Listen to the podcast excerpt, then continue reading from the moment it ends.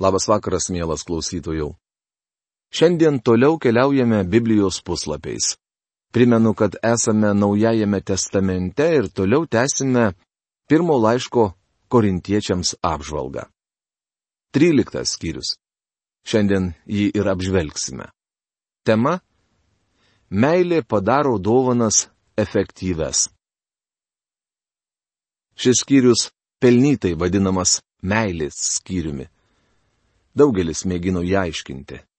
Tiesą sakant, per visą savo tarnavimą aš pats pamokslavau iš šios skyriaus gal sykį ar du.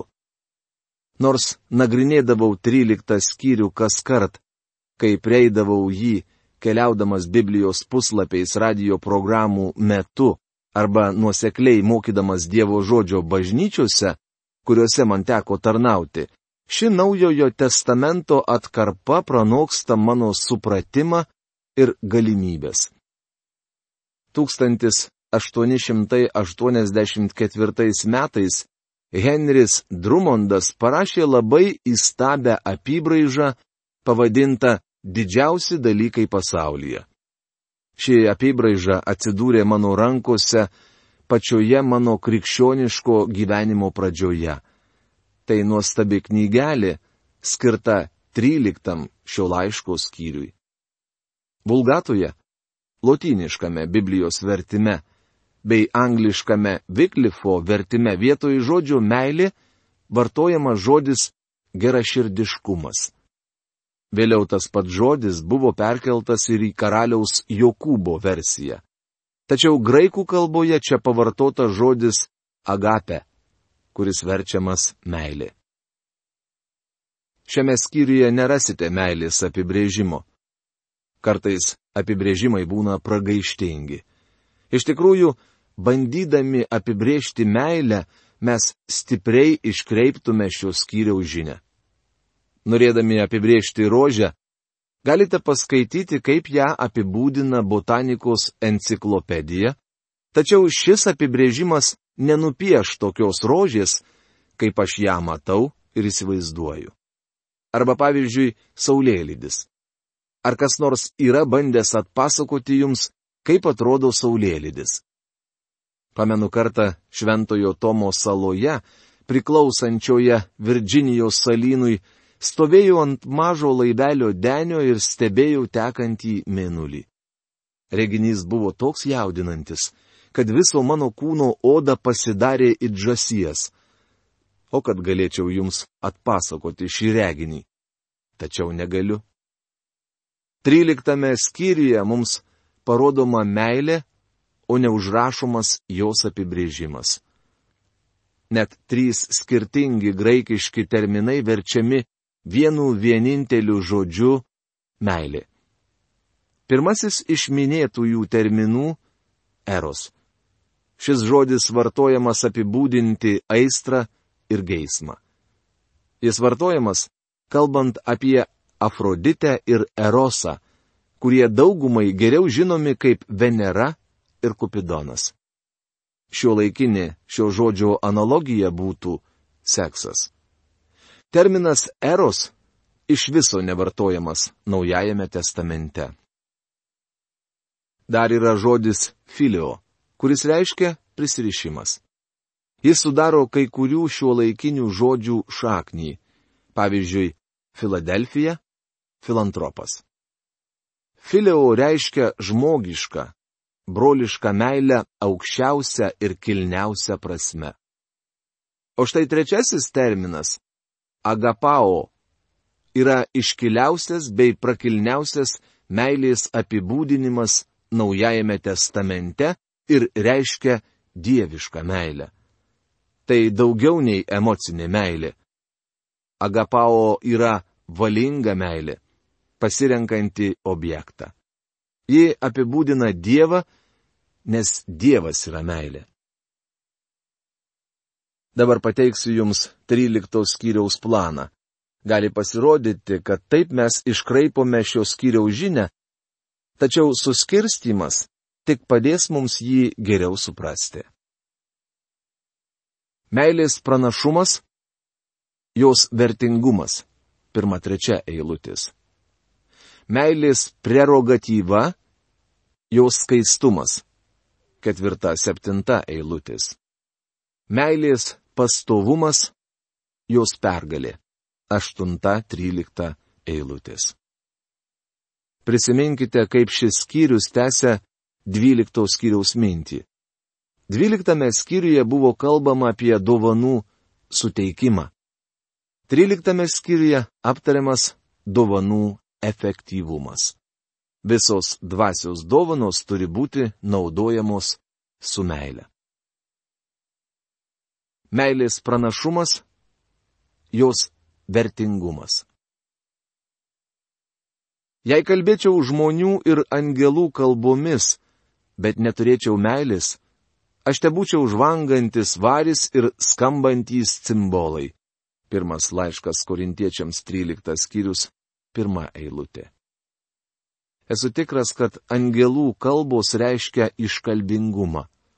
Man niekuomet neteko girdėti angelo kalbos. Tačiau Pauliui tikriausiai teko. Net ir pati nuostabiausia iškalba be meilės yra garsiai gaudžiantis varpas. Daktaras Skrogy yra pasakęs, kalba be meilės - tai triukšmas be melodijos. O magis sako, tarškėjimas be meilės yra negyvas garsas. Galite gėdoti kaip serafas, tačiau be meilės jūsų giesmėte bus pragariškas šnypštimas. Meilė suteikia iškalbai gilumo, tikrumo ir prasmės. Ir jei turėčiau pranašystės dovaną ir pažinčiau visus slėpinius ir visą mokslą, jei turėčiau visą tikėjimą, kad galėčiau net kalnus kilnoti, tačiau neturėčiau meilės, aš būčiau niekas. Pirmas laiškas korintiečiams 13 skyrius, antra eilutė. Pirmoje eilutėje buvo kalbama apie meilę kylančią iš širdies. Čia Turima omenyje meilė kylanti iš proto. Meilė kaip protinis veiksmas. Vien pažinimo neužtenka. Jis turi būti susijęs su meile. Negana vien suprasti. Supratimą būtina susijęti su meile. Manau, kad šiandien tai yra pagrindinė Biblija tikinčių bažnyčių bėda. Joms netrūksta Dievo žodžio pažinimo ir Biblijos tiesų supratimo tačiau trūksta meilės. Kaip siaubinga, kai bažnyčiose tarpsta apkalbos, neapykanta ir kartėlis. Pažinimą turi lydėti meilė. Ir jei išdalyčiau vargšams visą, ką turiu, jeigu atiduočiau savo kūną sudeginti, bet neturėčiau meilės, nieko nelaimėčiau. Pirmas laiškas korintiečiams 13 skyrius 3 eilutė. Ši meilė yra valios veiksmas. Meilė apima širdį, pirmą eilutę, protą, antrą eilutę ir valią, trečia eilutė. Ji yra šventosios dvasios vaisius. Nors mums reikia siekti aukštesniųjų dovanų, jos turi būti naudojamos su meile. O tai gali padaryti tik Dievo dvasia. Pažvelkite į tai šit kaip. Viena prie kito parašykite keletą nulių. Iškalba be meilės yra nulis. Pranašavimas be meilės yra nulis. Pažinimas be meilės taip pat nulis. Tikėjimas be meilės nulis. Aukojimas be meilės nulis. Kankinio mirtis be meilės irgi nulis. Net ir šeši nuliai yra niekas. Tačiau jei iš kairės pusės prie šios nulių eilės pridėsite vienetą, kiekvienas nulis įgaus tam tikrą vertę. Meilė, bičiuliai, yra tai, ką reikia pridėti prie kiekvienos dvasios dovanos.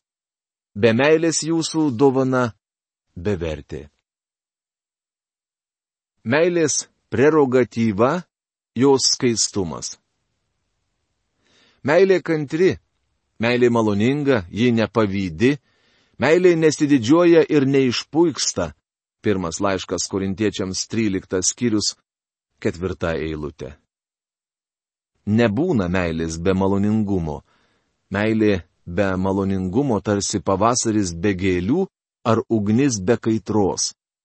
Prisiminkite Pauliaus raginimą. Verčiau būkite malonūs, gailestingi, atlaidus vieni kitiems, kaip ir Dievas Kristuje jums buvo atlaidus. Rašoma Efeziečiams laiško ketvirtos skyriaus 32 eilutėje. Tokia yra meilė. Dabar pažiūrėkime, kokia ji nėra. Ji nepavydė. Meilė nepavydė, o tai reiškia, jog jai gana to, ką turi. Visi mes žinome, kad gyvenimas pilnas neligybės. Vieni žmonės daug turtingesni už kitus, tad kai kurie krikščionys sako, kodėl Dievas palaimino šį žmogų tokiais turtais, o man neduoda nie trupučio to, ką turi jis. Meilė pripažįsta, kad egzistuoja neligybė, tačiau pasitenkina tuo, ką turi. Prisiminkite, jog pati pirmoji žmogžudystė, kuomet Kainas nužudė Abelį, buvo padaryta iš pavydo. Mums dėlėtų pasimokyti iš Jono Krikštytojo pavyzdžio. Šis vyras nepavydėjo Jėzui, kad jo tarnystė žmonėse darėsi vis populiaresnė. Jonas kalbėjo, jam skirta aukti, o man mažėti. Jono Evangelijos trečios skyriaus 30 eilutė suprasdami, kad mūsų visų dalė skirtinga ir kad kiekvienas iš mūsų turime skirtingą tarnystę dėl viešpaties, turėtume apsvarstyti žodžius, kuriuos mūsų viešpats kalbėjo Petrui. Jei aš noriu, kad jis pasiliktų, koliai ateisiu, kasgi tau? Tu sek paskui mane, rašoma Jono Evangelijos 21 skyriaus 22 eilutėje. Beikonas sakė, kad pavydas yra niekingas prisirišimas ir labiausiai sugedęs dalykas pasaulyje. Pavyzdžiui, Jehonatanas buvo vyras, mylėjęs kitą nepavydžią meilę. Būdamas karalaitis, Jehonatanas nepavydėjo Dovydui, kalbu apie Sauliaus sūnų, nors žinojo, kad šis atsisės į sostą vietoj jo. Meiliai nesididžiuoja. Mofitas verčia nesistengia pasirodyti. Ji nėra pagirūniška ar mėgstanti pasirodyti. Žinot, pasipūtimas visuomet būna vulgarus. Tenesyje vykusios konferencijos metu vienas jaunas pamokslininkas atsistojo ir pasakė, noriu, kad žinotumėte, jog nesu apmokytas tarnautojas. Aš neišmanus tarnautojas ir tuo didžiuojuosi. Viskupas jam atsakė, Matau, turite kuo didžiuotis. Jaunuoli, pavojinga girtis net savo neišmanimu. Melė neišpuiksta. Tai reiškia, kad ji neskraido padebesiais, nepasipučia. Jūs žinote, ką reiškia, kai važiuojant automobiliu prakiūra padanga. Deja, panašus atvejai dažni ir tarp krikščionių, nes daugelis yra pasipūtę. Įsileidus orui, nelieka nieko. Ji nesielgia netinkamai, neieško savo naudos, nepasiduoda piktumui, pamiršta, kas buvo bloga. Pirmas laiškas korintiečiams 13 skyrius 5 eilutė. Meilė nesielgia netinkamai, tai yra keistai ypatingai. Tiesa, pirmame Petro laiške mes vadinami ypatingai žmonėmis, kosto burbulio vertime. Tačiau neturėtume laikyti savęs ypatingais. Pažodžiui taip vadinami ypatingi žmonės yra žmonės jo nuosavybei. Mes turime būti paslaugus ir mandagus. Negalime būti grubus ar elgtis kaip nepažįstami žmonės. Nelaimiai šiandien jau nieko nestebina religija, kurią galima būtų pavadinti nemiela. Tačiau meilė nesielgia netinkamai. Meilė neieško savo naudos, ji atsižvelgia į veiksmų motyvus. Kitaip tariant, klausia, kam aš tai darau. Atsistatydinęs iš pastoriaus pareigų, galėjau ištirti savo širdį kaip niekada anksčiau. Ištyriau motyvus, kurie skatina mane veikti. Ar aš darau tai iš meilės Kristui? Tai labai svarbus klausimas. Meilė yra tarnavimo slėpinys. Ji nepasiduoda piktumui arba nesusierzina. Susierzinimas yra dorųjų įda. Manau, ši įda būdinga daugeliu iš mūsų. Meilė pamiršta, kas buvo bloga. Kostas burbulys verčia nemasto piktai. Liūdna matyti žmonės skleidžiant paskalas. Kai kurie krikščionys susėmė visą purvą. Jų kalbos dviprasmiškos ir įtaigios. Nesidžiaugia neteisybė, su džiaugsmu pritarė tiesai. Pirmas laiškas korintiečiams, 13 skyrius 6 eilutė. Meilė nesidžiaugia neteisybė, bet džiaugiasi tiesa. Kas džiugina jūsų širdį? Gėris ar blogis? Katras iš šių dviejų dalykų. Ar džiugaujate išgirdęs ką nors blogą apie savo priešą arba žmogų, kuris jums nepatinka? Ar atvirkščiai liūdite, matydami, kaip kenčia jūsų priešas? Ji visą pakelia, visą tiki, viskuo vilėsi ir visą ištveria. Pirmas laiškas korintiečiams 13 skyrius 7 eilutė. Meilė visą pakelia. Žodis pakelia turi apsaugos prasme. Meilė išskleidžia skėti kitiems virš galvų. Meilė visą tiki. Tai nereiškia, kad jį paikai patikli ir kad meilė nežiūri žmonės įtariai. Meilė viskuo vilėsi. Ak kokia jų optimistiška. Meilė visą ištveria. Ji išlieka stipri išmėginimuose. Iš skaitytojų eilučių matome, jog meilė yra abstraktus daiktavardis. Tačiau ji neturi likti abstrakti. Reikia, kad meilė virstų gyvenimu ir veiksmu. Ji turi pasireikšti veiksme kantrumu, maloningumu, be pavydo ir be puikybės. Meilės pastovumas - jos pergalė. Meilė niekada nesibaigia. Išnyks pranašystės, paliaus kalbos, baigsis pažinimas. Pirmas laiškas korintiečiams 13 skyrius 8 eilutė. Meilė niekada nesibaigia.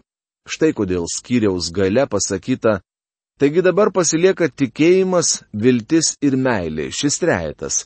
Bet didžiausia jame yra meilė. Meilė išlieka, ji pastovi. Elizabeta Barrett Browning savo eilėraštyje Kitados aš mylėjau rašo. Tie, kurie įsivaizduoja kitados mylėję, nėra mylėję niekada ir meilė žvelgia už laiko ir erdvės ribų, apglėbdama amžinybę. Meilė nemirtinga, ji nenugalima, nepalaužiama ir neapvyliama. Aistringa meilė sudega nelyginant šiaudų kūgis ir iš jos nelieka nič nieko. Štai kodėl šiandien tiek daug skirybų. Matote, tokia meilė nepajėgi išlaikyti kartu dviejų širdžių. Tikroji meilė amžina, ji pastovi. Štai tokia yra Dievo meilė. Tai nuostabu. Dievo meilė žvelgia už laiko ir erdvės ribų, apglėbdama amžinybę. Kristus niekada nenustojo mylėjęs. Negalite padaryti nieko, kad jis jūsų nemylėtų. Joks nusidėjėlis nėra padaręs net leistinos nuodėmės. Gal jūs netikite Dievu, tačiau jis vis tiek jūs myli. Gal esate padaręs pačią didžiausią nuodėmę, bet Dievas myli jūs vis vieną. Negalite padaryti nieko, dėl ko jis jūsų nebemylėtų. Norėdami išvengti lietaus, galime išskleisti savo virš galvos skėtį, tačiau mes nepajėgus sustabdyti lietaus. Lygiai taip pat negalite sustabdyti Dievo meilės, net jei esate po nuodėmės ar netikėjimo skaičių. Neteisinga sakyti vaikams, kad Dievas jų nemylės. Vaikystėje lankydavau sekmadieninę mokyklą kartu su visa šutve pasiutusių vaikpalaikių. Aš buvau vienintelis geras berniukas visoje klasėje. Mokytojas sakydavo mums, jei ir toliau taip elgsitės, Dievas jūsų nemylės. Aš vis galvodavau, iš tikrųjų Dievas negali manęs labai mylėti. Tačiau jis mylėjo, nors ir buvau netikęs. Kaip nuostabu žinoti, jog Dievas mus myli. Pranašystės išnyks, tai yra išsipildys. Tuomet jos bus jau ne pranašystės, o istorija kalbos paliaus. Pažinimas baigsis arba pranyks. Pavyzdžiui, mokslinės žinios, kurių įgyjau koledžiai jau pasenusios. šiandieninės mokslinės žinias pakeis rytojaus atradimai. Pažinimas progresuoja. Jis pranykstantis. Mūsų pažinimas dalinis ir mūsų pranašystės dalinis.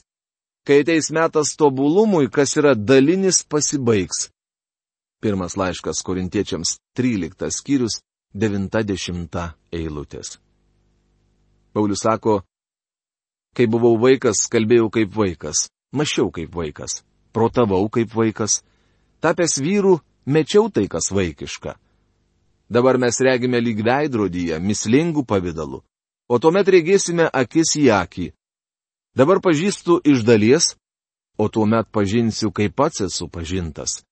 Pirmas laiškas korintiečiams 13 skyrius 11-12 eilutės. Daugelis žmonių klausia, ar danguje aš pažinsiu savo artimuosius. Žinoma, pažinsite. Paklausite, kokia Biblijos vieta aš remiuosi tai sakydamas? Dabar mes regime lyg veidrudyje, mislingų pavydalų. Jūs niekada nesate manęs matę. Gal galvojate, kad esate, tačiau jei ir matėte, tai tik kostiumą, iš kurio kišojo galva ir pora rankų. Iš tikrųjų, jūs manęs nematėte, o aš niekada nemačiau jūsų, nes dabar mes regime lyg veidrodyje, mislingų pavydalų, o tuomet regėsime akis į akį. Šiandien aš pažįstu tik iš dalies, bet tuomet pažinsiu, kai pats esu pažintas. Kažkas paklausė Campbellą Morganą, ar manote, kad danguje mes pažinsime savo artimuosius? Daktaras Morganas su anglams būdingu manieringumu atsakė, nemanau, kad danguje būsiu didesnis kvailys negu esu žemėje, o čia aš pažįstu savo artimuosius. Taigi dabar pasilieka tikėjimas, viltis ir meilė. Šis trejetas. Bet didžiausia jame yra meilė. Pirmas laiškas korintiečiams 13 skyrius 13 eilutė. Tikėjimo objektas bus pasiektas. Visos mūsų viltis išsipildys. Daugiau nebebus ko viltis, taigi viltis pranyks. Nebereikės ir tikėjimo. Tačiau meilė išliks. Didžiausia iš šio trejeto - meilė. Tikėjimas, viltis ir meilė yra iškiliausi žodžiai, sudarantys krikščionišką žodyną. Šiame skyriuje Paulius nebando apibūdinti abstraktaus termino meilė. Apaštalas rašo Jėzaus Kristaus biografiją. Apie mūsų viešpatį sakoma, mylėdama savosius pasaulyje, parodė jiems savo meilę iki galo. Jono Evangelijos 13 skyriaus pirmą eilutę. Jėzaus meilė amžina. Bičiuli, Jėzus Kristus niekuomet nepaliaus jūs mylėjęs. Šiais žodžiais šios dienos laidą noriu užbaigti. Iki greito susitikimo. Sudė.